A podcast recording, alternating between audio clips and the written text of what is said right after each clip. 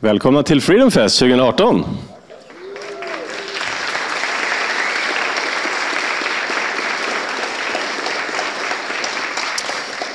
Eh, vi, ska, vi har lite nyheter i år. Vi ska ha en livestream, som det kanske heter, video. Så att om ni inte vill med på bild så håller undan mittgången här.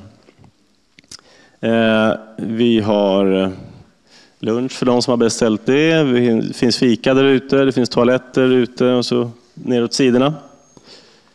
Vi får bort det här tjutet, ska jag stå här eller? Ja. Eh, och eh, i övrigt så följer vi ungefär samma mönster som förut. Vi har också den här nyheten med att vi har lite gruppövningar sen så man får välja en, en fördjupning som jag kallar det. Och klockan 11 så kommer de som håller de här gruppövningarna att presentera sina ämnen och försöka värva så många, eh, så stor publik som möjligt. Och sen kommer det finnas listor man skriver upp sig på. Men mer om det lite senare. Eh, men först ut så har vi Stellan Abrahamsson eh, som har varit med oss förut. Han talade om banksystemets allt mer komplicerade natur och hur det leder till bankkriser för några år sedan. Och eh, vi tänkte vi skulle ha en fortsättning på det idag, men sen så kom vi på att vi har något annat tema istället. Som eh, handlar om Sverige eller Schweiz. Två länder som hade en liknande startpunkt, men valde olika vägar. Och eh, ja, resten är historia, som det heter. Stellan, varsågod, kör igång.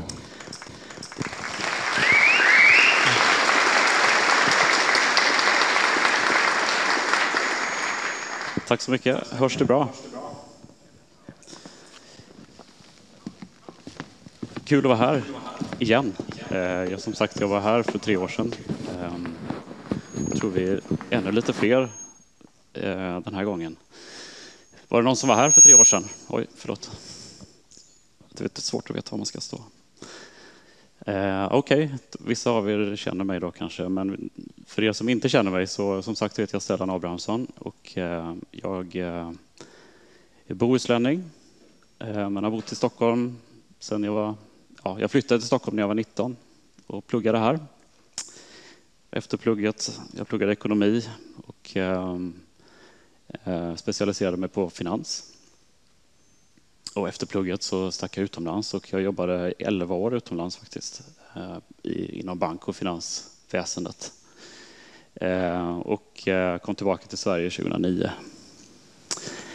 Ehm, och ehm, det här temat, liksom, Sverige eller Schweiz, det kanske, varför ska man prata om det? det är mitt expertområde det är ju egentligen inte det riktigt, utan det är ju bank som jag har jobbat med i nästan 20 år. Men jag, det här är ett tema då som jag har tänkt på ganska länge och eh, ett tema som jag tycker förtjänar lite mer uppmärksamhet. Så att eh, jag tänkte ge mig in på det. Och faktum är, det ska vi se under den här presentationen, att det är inte så särskilt skilt ifrån regelverk egentligen. Det här har med regelverk att göra också, men det kommer vi titta på lite senare. Som sagt, jag bodde i Schweiz, jag var ju 11 år utomlands, jag bodde i Schweiz eh, sju av de åren. Eh, och eh, det såg jag som en stor förmån att ha bott där. Det var ett fantastiskt land att bo i. Eh, och ett väldigt annorlunda land tyckte jag. Eh, därför att det var liksom det var, det var exotiskt på många sätt. Det var, det, var, det var ett land som funkade på ett annorlunda, annorlunda vis. Um, det märktes ganska tydligt att det var ett individualistiskt land. Ett land där man faktiskt eh, fick, eh, Vad ska man säga, man, man betalade för det man använde, så att säga. Eh, och, och, ville man skaffa sig bra sjukvård så fick man betala för det. Ville man skaffa sig barnomsorg som var bra så betalade man för det och så vidare. Det var, det var ett individualistiskt land istället för ett mer kollektivistiskt system som vi har i Sverige. Så det, var, det var lite exotiskt för mig tyckte jag. Eh, när jag flyttade dit. Men man vande sig ganska snabbt, för det är en fantastisk livskvalitet där nere. Eh, inte bara var man mitt i Europa och kunde åka skidor varje helg och sådär, men eh, man betalade 16 procent i skatt och man kunde spara pengar. Och, eh, det var väldigt bra professionellt tyckte jag. Jag jobbar inom bankväsendet. Det finns väldigt mycket banker i Schweiz. Eh, och, eh, det, var, det var ett bra land på många vis. Men efter sju år där så, så eh, drabbades jag av eh, hemlängtan kan man säga och jag bestämde mig att flytta tillbaka till Sverige. Eh, och började på Finansinspektionen. Det här var 2009 som jag flyttade tillbaka. Det var precis efter finanskrisen. Och jag jobbade som sagt inom bank och under finanskrisen så var jag, jobbade jag på storbanken UBS, den schweiziska storbanken. Och var väldigt involverad i riskhanteringen av deras subprime-obligationer, vilket var ett hett tema under finanskrisen 2008. Och jag var ganska utarbetad efter det och dessutom helt desillusionerad av bankväsendet. Så att eh, jag tänkte nu byter jag sida, nu börjar jag på Finansinspektionen och flyttar hem. Så det gjorde jag. Och eh, förmånen man har när man har bott utomlands länge och flytta tillbaka, det är att man får perspektiv på saker och ting.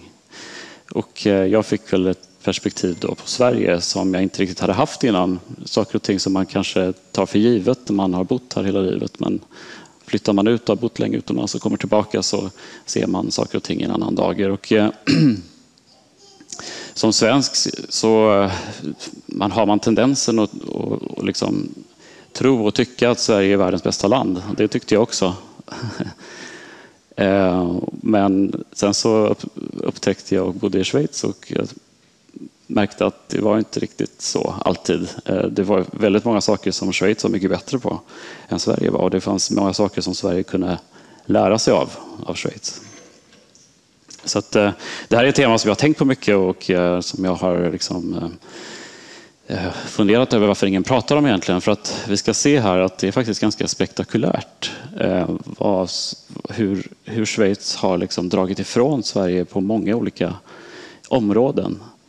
Och det här är ett, ändå ett land som i alla fall på ytan är väldigt likt Sverige. Eh, det är ett litet land, ett neutralt land, ungefär samma folkmängd.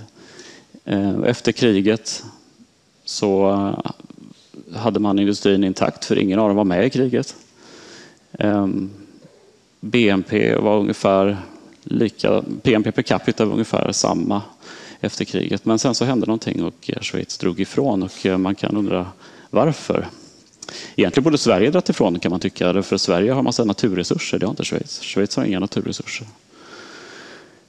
Ehm, så att det, här, det här har jag liksom funderat lite grann på och eh, det här är inget lätt tema naturligtvis att och, eh, liksom analysera. Och det finns nog många svar men jag ska försöka i alla fall ge min analys av det hela eh, under den här presentationen.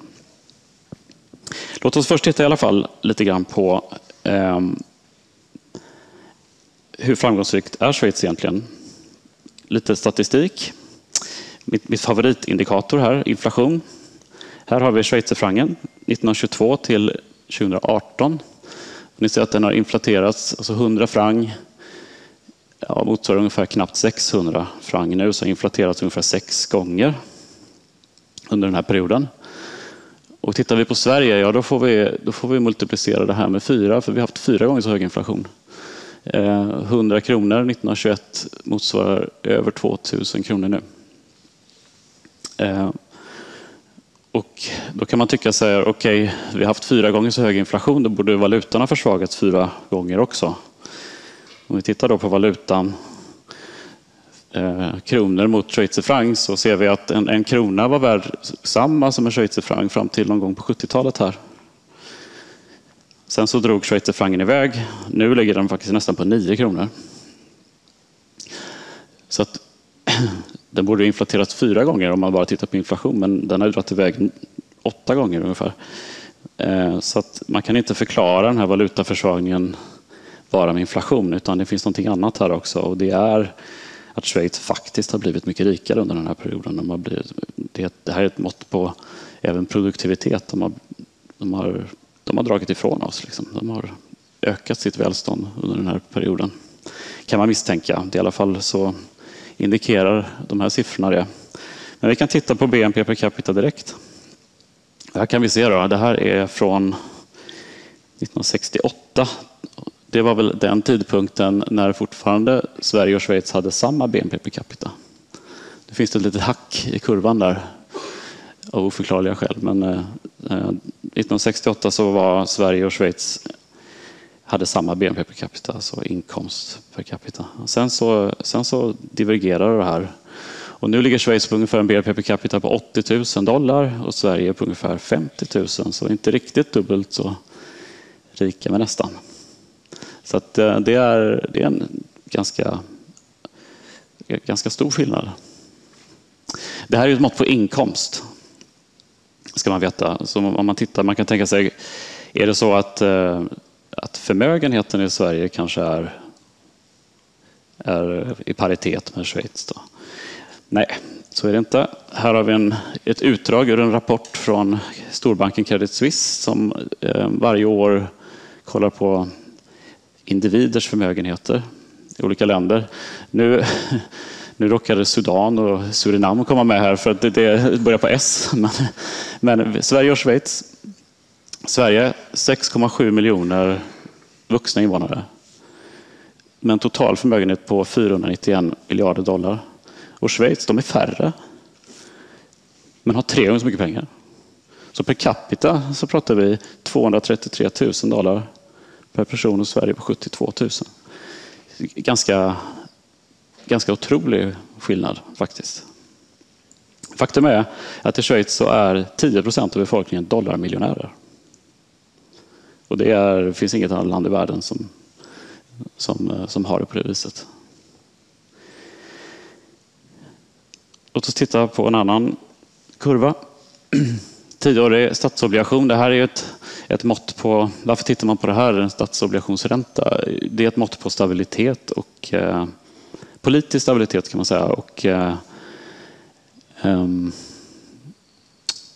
kreditvärdighet, statens kreditvärdighet. Och eh, vi kan först och främst se att Sverige har varit mycket mer volatil och att Schweiz stadigt ligger under. Så att eh, även marknaden ser Schweiz som ett, liksom ett mycket mer kreditvärdigt och stabilt land. Och så har det varit under ganska lång tid. Vi kan fortsätta titta lite på saker. Arbetslöshet. Den svarta linjen här är OECD-snittet. Sverige ligger ju här uppe, ligger lite över OECD-snittet nu i arbetslöshet. Schweiz ligger långt under.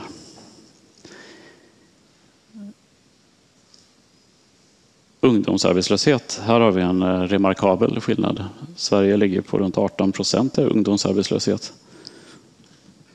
OECD snittet någonstans i mitten och eh, Schweiz långt under. Kan det vara, man kan fundera på, kan det vara kanske för att vi har stor eh, invandring i Sverige och invandrare som har svårt att komma in på arbetsmarknaden? Nej, jag tror inte det. För tittar man här, liksom, andel av befolkningen som är utrikesfödda, Schweiz är nästan 30 procent. Och Sverige ligger på ungefär 17 procent. Nu kan det hända att det är en annan typ av invandring. Men, eh, men det, är, det är i alla fall en väldigt stor andel utlänningar i Schweiz. Och arbetslöshet bland utrikesfödda, ja, den är väldigt låg. Alltså man kan fortsätta titta på sådana här grejer. Man kan titta på alla möjliga faktorer. Schweiz de, de slår oss på väldigt många saker. Även sådana här saker som Sverige borde vara väldigt bra på. Sådana här välfärdsområden, pension, sjukvård, utbildning, äldreomsorg. Så visar de flesta liksom indikatorer och eh, undersökningar på att eh, Schweiz håller väldigt hög kvalitet och högre än oss. Utbildning framför allt, eh, där har ju Sverige tappat väldigt mycket senaste tiden. Till och med tennis är de bättre på. Och, och, och, allt det här har man lyckats med med ett skattetryck som ligger väsentligt lägre. De ligger bland de lägsta i Europa. Sverige ligger bland de högsta i världen. Så att givet alla, allt det här, man tittar på allt det här, man tycker att det här är ganska remarkabelt, det här är ganska dramatiskt. Varför, ingen, varför pratas det inte om det här, liksom, det här lilla alplandet? Eh, vad gör de som inte vi gör? Vad kan man lära sig av dem? Varför är Schweiz så framgångsrikt? Det, som jag sa innan, det här är ju liksom en fråga som, som man nog kan debattera rätt mycket. Eh, men jag, eh, min bakgrund och det jag sysslar med dagligdags, det, det handlar mycket om bankregleringar och sådana saker. Och, eh, och jag tror faktiskt att den här presentationen till slut inte kommer att bli så mycket annorlunda än den som jag gjorde 2015 som handlar om bankregleringar. Men nu kommer vi inte prata om bankregleringar utan vi kommer att prata om en annan typ av reglering. Och det är statens egen reglering. Den, det regelverk som reglerar hur en stat fungerar. Grundlagen eller konstitutionen. Här kan det vara så att det kokar ner till det. Jag tror det. Kan det vara statsskicket, grundlagen? Vi ska undersöka det här lite grann. Men för att förstå det här eh, så måste vi göra en liten tillbakablick. Eh, en liten historisk tillbakablick, för annars kommer vi inte förstå liksom bakgrunden och fatta varför Schweiz är som det är. Eh, så jag kommer i några, några slides här och dyka tillbaka till, eh, till historien. Eh, det är så att Schweiz, man säger att Schweiz grundades 1291. Och 1291, alltså medeltid i Europa, under den här tiden så var det väldigt stökigt i Europa. Det, fanns, det, har inte funnits, det hade inte funnits en kejsare på flera decennier. Det var politiskt vakuum. Många små kungar och kungadömen som kämpade om makt. Eh, det var, det var liksom stökigt. Och eh, alla de här småkungarna de var inte särskilt eh, politiskt starka, någon av dem. Så att det var mycket maktkamper och, och så vidare. Vissa familjer stack ut, som till exempel Habsburgfamiljen som la mycket land under sig. Under den här perioden så fanns det då här mitt i Schweiz, alltså det fanns massvis med små stater här. Och mitt i Schweiz så fanns det tre stycken stater som heter Uri, Unterwalden och Schwyz. De tre de var pyttesmå och de insåg att vi kommer att bli invaderade av någon annan som är större om inte vi samarbetar. Så de gick samman och gjorde en försvarsallians. Det här är pappret de skrev under, Uri, Unterwalden och Schwyz, 1 augusti 1291. Och det är en försvarsallians som säger egentligen att vi försvarar varandra om eh, vi blir attackerade. Det, när man skrev under det här då var det inget annat än försvarsallians eller försvarsavtal. Det var inte så att man grundade en stat då. Men nu så, nu så säger man att det var Schweiz grundande och eh, 1 augusti är Schweiz eh, nationaldag faktiskt. Så att de här mörkare områden, det är de här tre staterna som då grundade den här försvarsalliansen. Och man var ju väldigt framgångsrik. Man lyckades inte bara fäkta bort alla inkräktare, utan man lyckades även offensivt expandera sitt område faktiskt. Eh, så att man var väldigt, väldigt framgångsrik. Och, ehm, ganska snart så upptäckte andra småländer som också låg runt omkring här att eh, det där var rätt smart. Och vi vill också vara med. Så att de här lite ljusare områdena, Bern, Luzern, Zürich eh, och några till, de anslöt sig rätt snart. Så att det var de åtta. Och sen var de tretton. Och sen var de fler och fler. Och det hela gick till på så vis att det, det var liksom frivilligt anslutande till den här försvarsalliansen. Därför det fanns mycket yttre hot om man säger så. Habsburg härifrån öst och sen så hade vi Eh, hertigen av Milano, Savoy. Alla ville liksom lägga beslag på det här området. Men eh, de här småländerna de samarbetade och det var, de var väldigt, väldigt framgångsrika i det här samarbetet. Men det var små länder. Alla hade sin egen valuta, alla hade sin egen konstitution, alla hade sin eget statsskick. Och det enda som egentligen de samarbetade om det var försvar. Och i viss mån också handel så småningom. Man ska komma ihåg att de här småländerna, och det här är väldigt viktigt, de hade inga, det här var liksom inga kungadömen. De styrdes på lite olika sätt. Vissa styrdes i ett skråväsende. Alltså skrå hade, hade styrde liksom staten. Vissa styrdes av biskopar eller kyrkan. Vissa styrdes av vissa familjer. Men, men det fanns ingen centralmakt liksom, i någon av de här staterna. Och det var det här som liksom enade dem.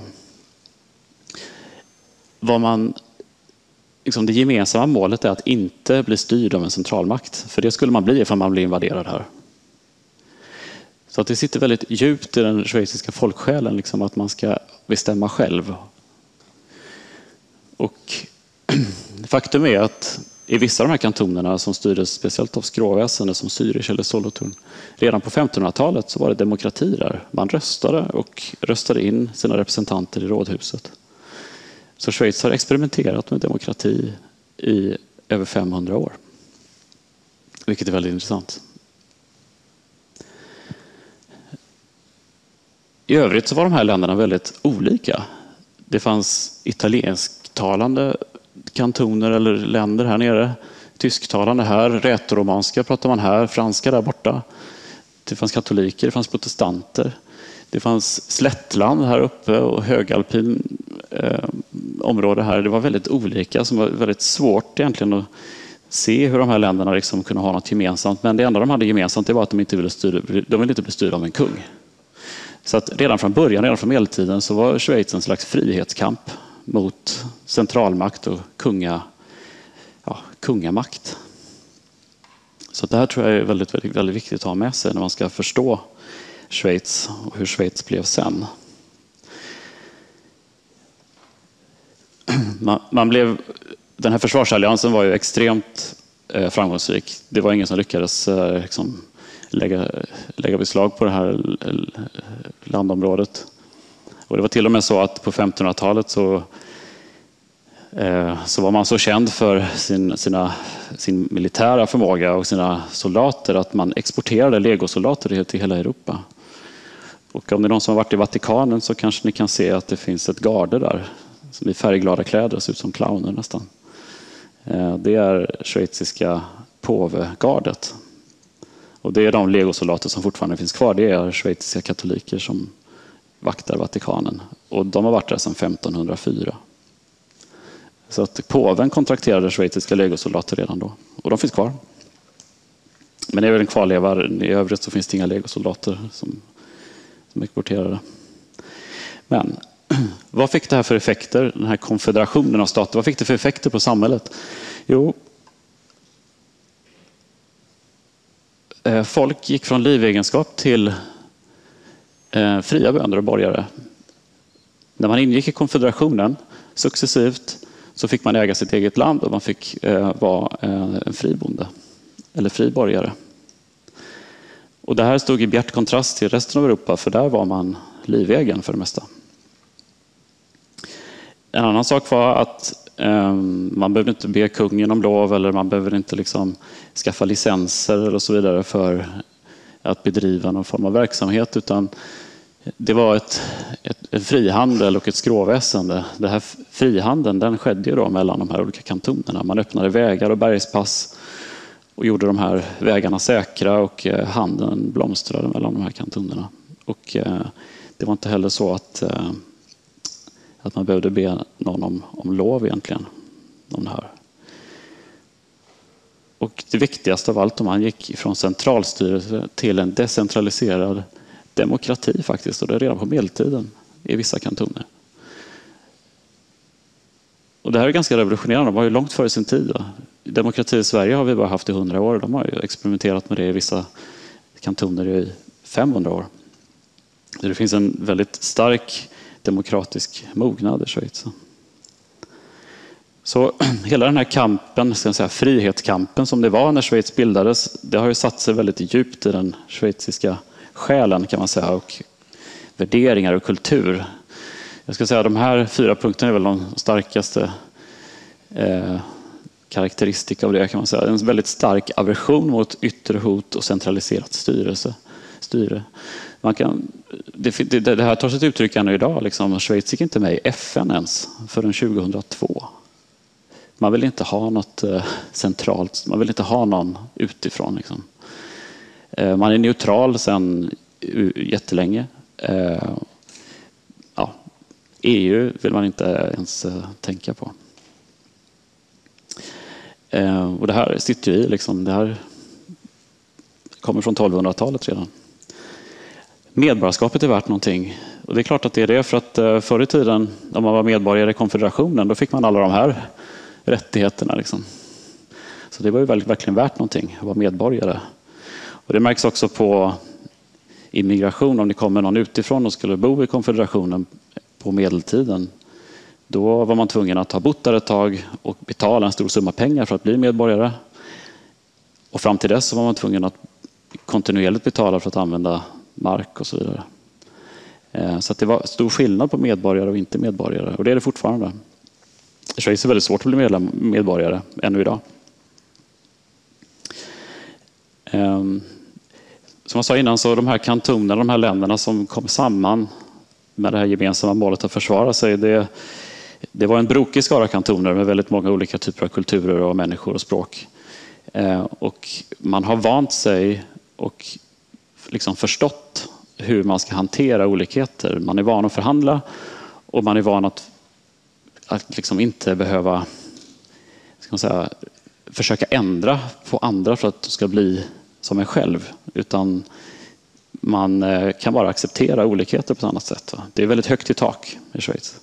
Det här står i bjärt kontrast till Sverige, för här är det tvärtom. Här finns det en åsiktskorridor därför att vi har varit en väldigt homogen befolkning väldigt länge. Och sticker man ut så är man ett problem. I Schweiz så är man inte generellt ett problem om man sticker ut, utan då är man bara annorlunda och så får det vara så. Ehm, och sen det här väldigt viktiga med frivillighet, därför att Schweiz enades av frivillighet. Det var frivilliga kontrakt mellan fristående stater. Och det är en stat eftersom man vill det, inte för att man måste eller att någon kung har invaderat det eller så. Det här karaktäristika det är ju väldigt, väldigt speciellt för det är nästan inget annat land i Europa som har, som har den här liksom bakgrunden och har fått den här kulturen så starkt. Och därför så kanske Schweiz sticker ut som, som ett litet undantag och jag tror att det har mycket med det här att göra. Men som sagt, det här, det här hände under 12, 13, 14, 1500-tal. 1600-tal, då, det var först då faktiskt som Schweiz erkändes av länderna runt omkring som faktiskt var ett land. Efter 30-åriga kriget. Men sen så hände det någonting. Då kom den här mannen. Och han lyckades med någonting som ingen annan lyckats med förut. Han invaderade Schweiz. Det var chockartat. Det har liksom aldrig hänt. Och han tyckte att det här med decentraliserat självstyre och kantoner och så vidare, det, tyckte han, det förstod inte han. Utan han tyckte att det här ändrar vi på. Så han avskaffade kantonerna och installerade ett franskt centralstyre. Och det här var ju verkligen liksom som att vifta med ett rött skynke. Om man, om nu förstår bakgrunden i Schweiz. Så att de blev ju fly förbannade allihop. De gjorde uppror det slogs ner, de gjorde uppror igen. De klagade och det var liksom massa problem. De ville inte samarbeta, schweizarna. Så till slut så tvingades Napoleon till förhandlingsbordet och återinrättade någon slags hybrid, någon slags kompromiss. Att kantonerna kom tillbaka men ändå med någon slags centralstyre över. Sen när Napoleon försvann så på något sätt så satte det här ändå sina spår i Schweiz för man insåg att det finns ändå vissa saker som kan vara bra att titta på liksom centralt och liksom samarbeta om centralt. Främst då försvar och utrikespolitik. Så kantonerna, de här små länderna, de satte sig ner och förhandlade. De förhandlade i 30 år. Och så kom de fram till en konstitution 1848. Och det här är det moderna Schweiz födelse kan man säga. Nu blev det en federal stat istället för en konfederation av småländer. Eh, det tog 30 år. Väldigt lång tid kan man tycka. Jag vet inte hur lång Sveriges EU-förhandlingar tog, men det tog väl inte mer än ett par år. Men det tog 30 år och resultatet det blev faktiskt något eh, smått genialiskt. Det här gäller än idag, den konstitutionen är som den var. Eh, men det här gällde det att balansera. Så man visste att man ville ha den kantonala självstyretraditionen men ändå en viss makt på federal nivå. Samtidigt som man inte ville att folket kunde köra över, köras över. Så man var tvungen att balansera federal, kantonal och folkmakt så att ingen kunde liksom utöka sin makt på bekostnad av någon annan. Och det här var väldigt lurigt liksom, att göra ett sådant regelverk. För det här är ett regelverk. Vi ska se hur det blev. En balansgång blir det.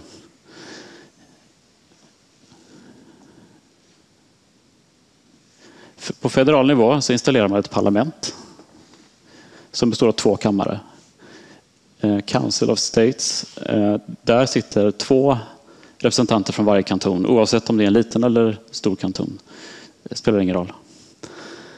Och National Council, här väljs det in eh, ledamöter eh, beroende på folkmängden i kantonen. Så till exempel Zürich som är en väldigt folkrik kanton, här sitter det fler eh, representanter från Zürich än till exempel Appenzell som är väldigt litet. Men du får en balans här därför att för att rösta igenom en lag så måste lagen gå igenom i bägge kammarna. Så du kan inte rösta, du kan inte rösta över en liten kanton därför att de kan stoppa det här. Va? Även ifall det är väldigt folkrika kantoner godkänner det så kan icke folkrika rösta igenom här. Så där får du en viss balans. En viktig sak också här är att parlamentet i Schweiz, det är inga yrkespolitiker. Och det här tror jag är jätteviktigt. De har vanliga jobb och de kommer samman fyra gånger per år och röstar igenom massa lagar. Sen så går de hem och jobbar med vad de gör vanligt, vanligtvis. Eh, och det här är också väldigt viktigt för balansen. Därför att yrkespolitikerna de sitter här, Federal Council, det är motsvarande regeringen. Eh, och många gånger är det så att vanligt folk och yrkespolitiker har helt diametralt motsatta incitament. Men eftersom parlamentet inte är yrkespolitiker och regeringen är det, då får du en balans där också. Federal Council, det är sju personer som sitter där. Eh, de här sju personerna, varje person är ansvarig för ett departement. Det här är också ganska speciellt. Det finns ingen president eller premiärminister i Schweiz. Det finns inte en person, en enskild person som kan representera landet. Utan landet representeras av de här sju personerna gemensamt. Det finns ingen av dem som är högre i rang än någon annan. Det här innebär att Schweiz, schweizare de åker aldrig på statsbesök, för då måste de åka alla sju. Och det blir jättejobbigt. Så därför tar de hellre emot statsbesök. Och då kan alla sju stå där och skaka hand. Men det finns ingen enskild av dem som kan representera landet.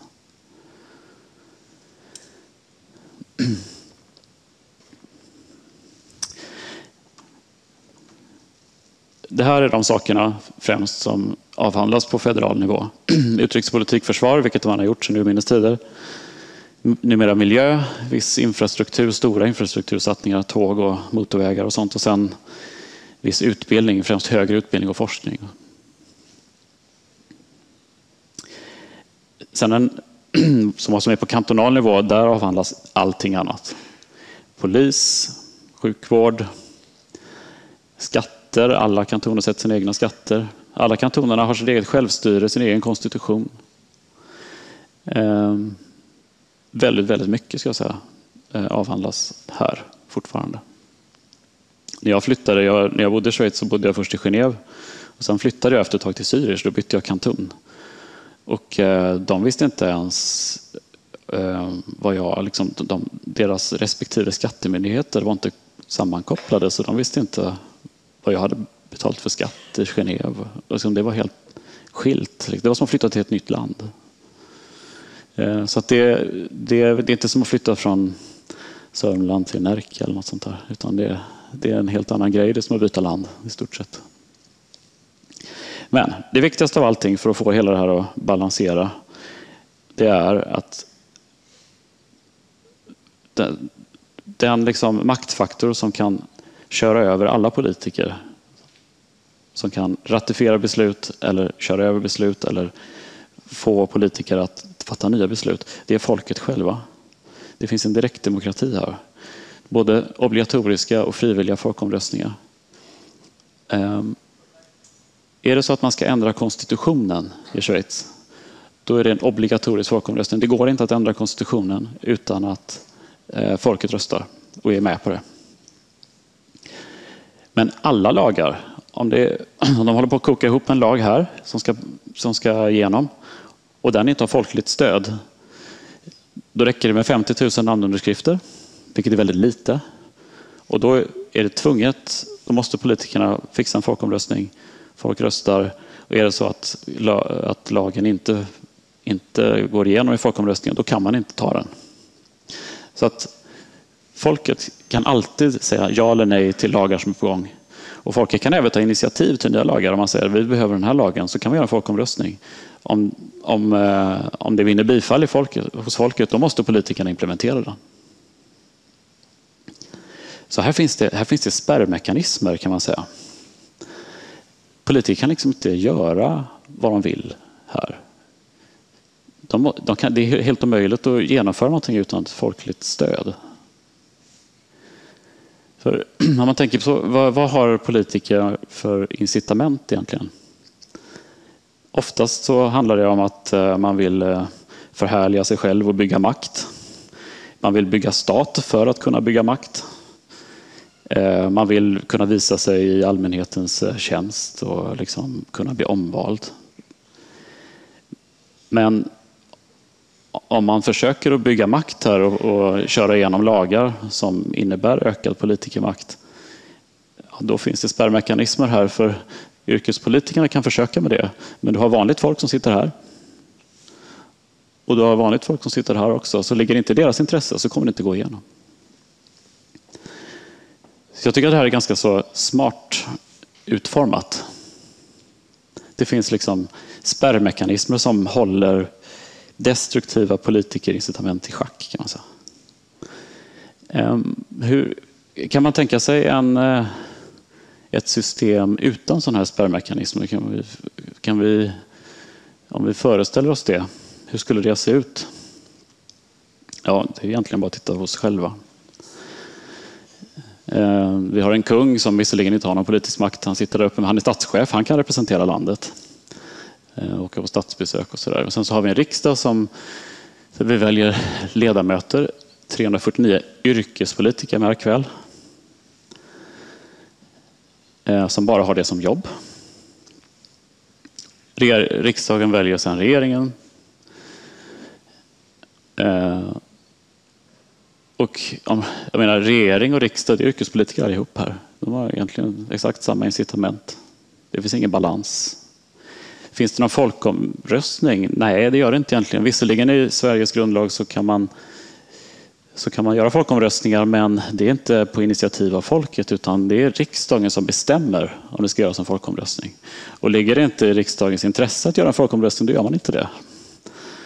Eh, till exempel, ett bra exempel är när Sverige skrev på Lissabonfördraget i EU och egentligen tog bort makt från Sveriges riksdag och la i, i Bryssel. Det är en sån här typisk sak som man egentligen borde kanske folkomröstat om. Men det valde man inte göra för hade man gjort det så hade det blivit nej. Så att i Sverige så finns det, det finns inga spärrmekanismer här man kan köra över folk. Kommuner och landsting skulle väl vara liksom våra motsvarigheter kantoner kan man säga. Eh, men de är hårt reglerade egentligen av kommun och landstingslagar som stiftas här uppe. Eh, så vad, man kan, vad kan man göra egentligen då som medborgare i Sverige? Man kan rösta bort eh, ett parti eller rösta bort en politiker. Men då kommer det bara en ny. Man kan ju inte rösta bort ett politiskt beslut som redan är taget. Det kan man göra i Schweiz. Man kan rösta bort det innan det ens tas. När det, när det bara är på gång, när det är ett förslag så kan man rösta bort det. Så jag sysslar till dagligdags med, med regelverk, främst inom banksidan, men jag tycker det är samma här. När man, när man tittar på någon, något fenomen som man inte riktigt förstår så brukar man ofta hitta något slags konstigt regelverk i bakgrunden. Och eh, det är samma här egentligen. Fast regelverket är grundlagen i två länder. Eh, vi har ett regelverk som inte har några tyglar på politiker. Men i Schweiz så har man väldigt hårda tyglar. Så. För att summera här, liksom, vad är politiska incitament? Makt, bygga stat, visa sig nödvändiga. I Sverige, alla politiker på riksnivå är yrkespolitiker. Alla har samma incitament, det finns ingen balans där. Konstitutionen kan ändras utan en folkomröstning. Det räcker bara till ett val emellan. Men om alla partier är överens så är det ingenting man kan göra åt det som medborgare. politiska beslut mot folkviljan kan ju drivas igenom helt utan risk, särskilt om den är blocköverskridande. Det brukar man göra med så här obekväma beslut. Då tar man ett blocköverskridande eh, överenskommelse och då vet man inte vad man ska rösta på sen för att, för att få bort det där. Så att, slutsatsen är att egentligen fria tyglar att bygga offentlig sektor och koncentrera politisk makt eh, finns i Sverige. I Schweiz så är det diametralt motsatt. Ingen i parlamentet är yrkespolitiker. Konstitutionen kan inte ändras utan folkomröstning och dessutom måste alla kantoner vara överens. Och Det kan ju också hända att det är därför som konstitutionen är kvar från 1848. Det är väldigt trögt, och väldigt svårt att ändra den. Och det ska det vara. Det ska vara svårt. Eh, Politiska beslut mot folkviljan är i stort sett omöjliga att driva igenom. Så eftersom de finns, de här liksom spärrmekanismerna, vad finns det för incitament kvar för en schweizisk politiker? Bygga makt är svårt att göra. Bygga stat är väldigt svårt att göra om det nu inte är så att man har folkvilja med sig. Eh, det enda som är kvar egentligen det är incitamentet att bli vald igen. Och för att bli vald igen, då måste man visa handlingskraft och driva igenom de besluten som parlamentet eller folkomröstningen har sagt, alltså egentligen folket har sagt att politikerna ska göra. Så politikerna i Schweiz är mycket mer exekutiva. De ska driva igenom de beslut som folket har beslutat om. Och det är ju egentligen det är ett bra incitament, det är ju det man vill ha. Eller hur? Man vill ju ha handlingskraftiga politiker. Så de, har, de har löst det här ganska bra. De har tagit bort, eller satt i alla fall band på de destruktiva eh, incitamenten och behållit det här bra incitamentet att, man, att visa handlingskraft. Det är oerhört svårt för politiker att koncentrera makt och utöka staten i Schweiz. Låt oss ta ett exempel. Tricket, vad är tricket? Ja, man ska åtgärda destruktiva incitament i en demokrati så mycket det går. Det har man gjort i Schweiz, det har man inte gjort här. Så nu, om vi tar ett exempel, här har vi en politiker. Han säger att han, jag vill utöka min makt. Ponera att den här politikern var en schweizisk politiker. Han sitter i regeringen i Schweiz. Så han, vi ändrar jag vill utöva makt, utöva makt jättemycket, så vi måste till och med ändra grundlagen. Jag sitter på federal nivå och jag vill kunna göra mer saker, då måste jag ändra grundlagen. Då ändra grundlagen, ja, då måste han först få gehör i en obligatorisk folkomröstning och sen måste alla kantoner också vara med på det. Ganska svårt, liksom, därför att de här, de här personerna de har inte samma incitament som du. De är inte yrkespolitiker någon av dem. Okej, okay, det var svårt att kanske ändra en vanlig lag då. Inte grundlagen utan en vanlig lag. Ja, det är egentligen samma sak där fast det är bara det att du får en frivillig folkomröstning istället. Om folk nu reagerar på det här och samlar ihop 50 000 eh, namnunderskrifter blir det en folkomröstning. Och kantonerna måste också vara med på det. Så ofta så stannar det där. Liksom. och eh, vad som är kvar är för en politiker att visa, visa sig liksom nyttig genom att driva igenom och exekvera beslut. Men hade det varit i Sverige då hade man bara gått till riksdagen. Och där sitter det en massa yrkespolitiker som är polare med dig och har precis samma incitament. Så jag hoppas ni förstår den stora skillnaden här nu i, mellan Sverige och Schweiz. Eh, vad hände då? Liksom? Vad har hänt? Sverige och Schweiz var ungefär lika rika efter kriget fram till kanske någon gång på 60-talet. Sen hände det någonting. Här har vi skattetrycket i Sverige från 1900. 1900. Då låg skattetrycket på ungefär 7 procent. Och sen så pikade det någonstans över 50 procent och så har det hoppat lite och så har det, ligger det någonstans runt 45 procent. Offentliga sektorn motsvarar ungefär samma storlek av svenska ekonomin. Så vad som hände egentligen, det var, det var socialdemokrati som kom här vid 30-talet. Och dessutom, det värsta av allt, socialdemokrati drabbade hela Europa, även Schweiz. Men eh, den var otyglad här. Men i Schweiz så, så var den tyglad. det drog inte iväg på det här viset. Och vad som hände var att politisk maktkoncentration utan dess like, skenande skattetryck som vi kan se på den här grafen, med väldigt svaga incitament, konstiga incitament på alla möjliga håll, svaga incitament att arbeta, mycket skatteplanering, entreprenörer som stack ifrån Sverige, företag som lämnade Sverige. Väldigt trög, ineffektiv offentlig sektor, det har vi fortfarande. Eh, man hade kapitalregleringar fram till 90-talet för att behålla kapitalens i landet. Stagnation. Eh, jag tror de flesta nationalekonomer, till och med Assa Lindbeck, eh, har, är överens om det här att den stora offentliga, snabba expansionen av offentlig sektor med Eh, de snedvridna incitamenten som kom av det eh, var det som gjorde att Sverige stagnerade och hamnade efter ett land som Schweiz. Nu är det många så att många länder i Europa hamnar i samma fälla lite. För att de flesta länder ser inte ut som Schweiz, utan de ser ut som oss. Eh, så att, men om man jämför med ett land som faktiskt hade ett bättre regelverk kan man säga, då ser man skillnaden rätt så tydligt. Så det här skulle jag vilja säga det är liksom den stora, den stora skillnaden.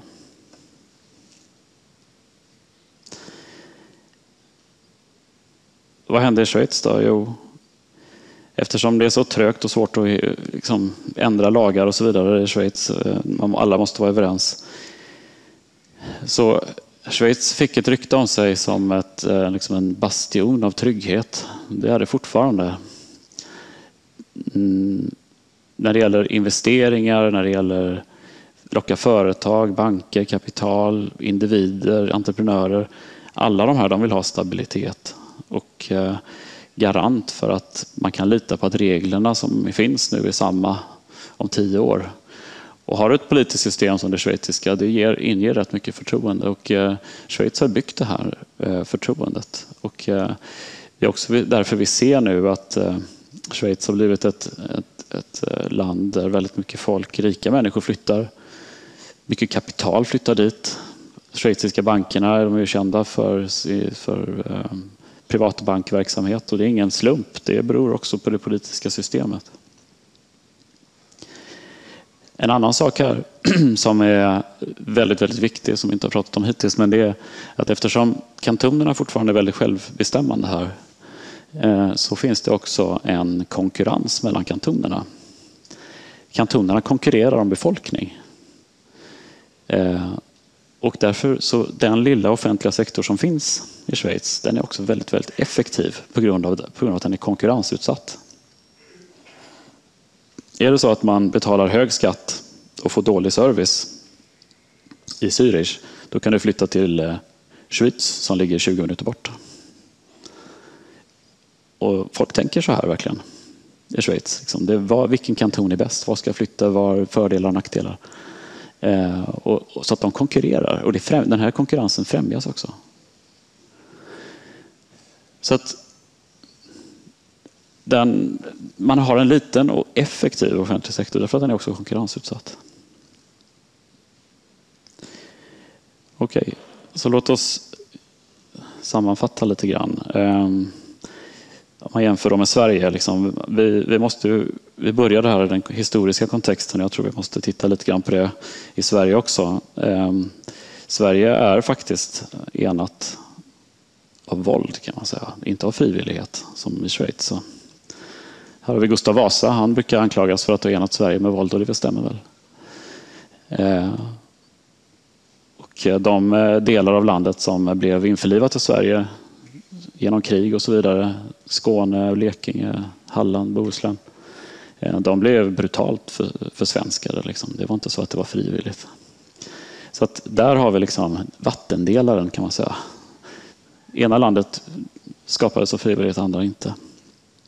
Vi har en lång tradition av centralstyrning och kungamakt. Till och med kungar av Guds nåde som det hette en gång i tiden. Där kungar liksom hade sin makt direkt från Gud, trodde man.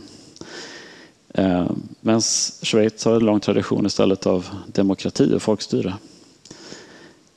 Fria bönder och hantverkare hade man i Sverige också. Det är väl en likhet som vi har med Schweiz. Och där, därifrån tror jag mycket av den här innovationskulturen som finns i bägge länder kommer. Vi är vana att vara egenföretagare. Det har vi varit i många hundra år. I bägge länder. Eh, I Sverige har man haft fram till ja, ganska nyligen en ganska reglerad ekonomi, centralstyrd handel. Men i frihandel har man haft sedan medeltiden i, i Schweiz. Och vi har haft en homogen befolkning, vanad lite kuvad befolkning kan man säga. Men i Schweiz har man varit heterogen befolkning med många viljor och man har liksom ändå hittat sätt att enas och komma överens. Så att det finns på ytan som jag sa innan, ganska stora likheter mellan de bägge länderna. Eh, utanför kriget, samma folkmängd och så vidare. Men om man gräver lite och tittar den kulturella bakgrunden, den historiska kontexten, så är det ganska stor skillnad. Och det förklarar också hur det ser ut idag. Därför att den historiska kontexten i Sverige det är mycket mer tvång och centralmakt som det brukar vara i de flesta europeiska länder, men Schweiz frivillighet decentraliserat, vilket då har lett till två olika typer av politiska system och regelverk som har gett två olika samhällen. Ja, kan man, kan man liksom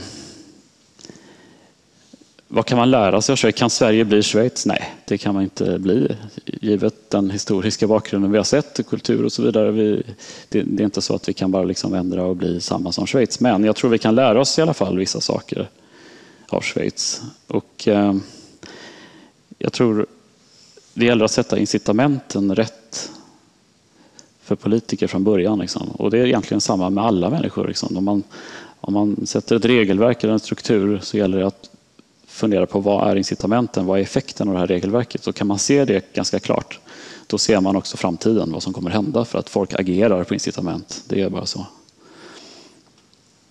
Eh, och då gäller det att balansera politikers incitament med motsatta incitament så att man får en balans.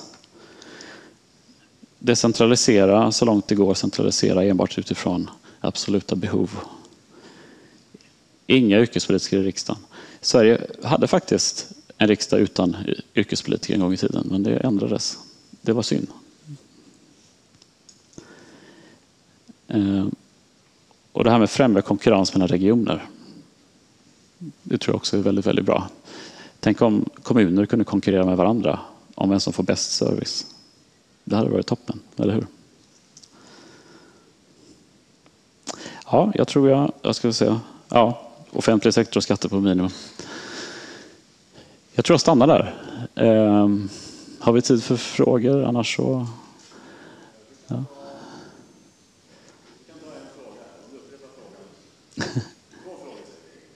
Två frågor. Ja.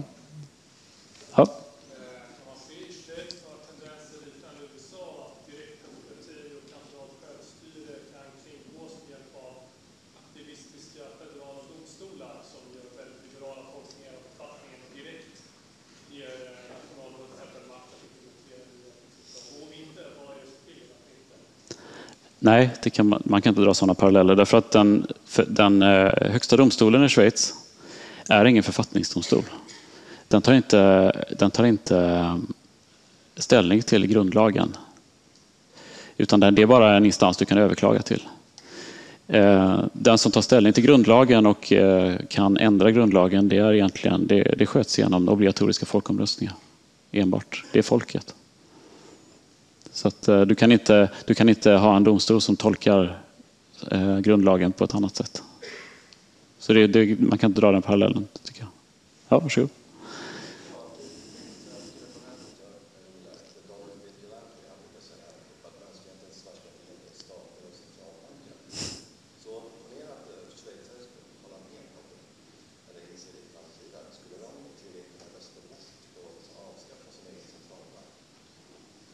Ja, det skulle de kunna, i teorin. Ja, frågan, eller frågan kokar ner till ifall schweizare egentligen skulle kunna rösta bort sin egen centralbank. Ja, det skulle de i teorin kunna göra. Faktum är att det var en väldigt intressant folkomröstning här nu. Jag vet inte om de har röstat än, om de ska rösta snart, men eh, de ska rösta om ifall banker ska få lov att skapa sina egna pengar. Eh, och det är en folkomröstning i Schweiz och då skulle man kunna, liksom, om det blir bifall, ja då, då, då faller hela det här systemet med eh, multiplikator och kreditpengar. Så att det, det finns en aktuell folkomröstning kring det. Mm. Varsågod.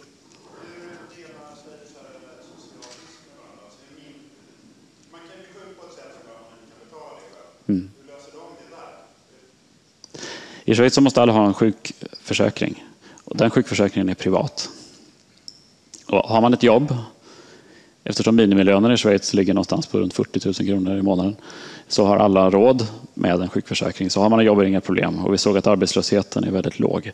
Men de som är arbetslösa eller på annat sätt inte har råd med en försäkring, ehm, då får man det. Eh, betalt av staten, men det är fortfarande en privat försäkring. Ja. Ja. Ja, varsågod. Om man till äventyrs när en tanke om att lämna världens bästa land och till exempel flytta till Schweiz, vad är det för svårigheter man väntar sig? Jag antar att det är lite svårt att komma in för. Ja, det är det. Ehm, det blir svårare och svårare också. Så ska du, vill, vill du flytta till Schweiz så bör du göra det ganska snart. För att eh, de hade faktiskt en folkomröstning för två år sedan där de eh, röstade för att bryta de bilaterala avtalen med EU om fri rörlighet. Så att eh, det där är på gång. Så att, eh, och det är redan svårare att få till exempel ett arbetstillstånd i Schweiz. Bästa sättet att komma in är att skaffa ett jobb där. Då, eh, ett jobb som är ganska specialiserat. Så du, kan, du kan hävda att Schweiz behöver en arbetskraftsinvandring.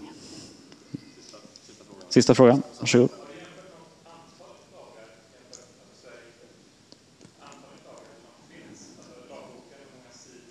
Jaha. Nej, den, det har jag faktiskt inte gjort. Det vore intressant att titta på. Ja, det är möjligt.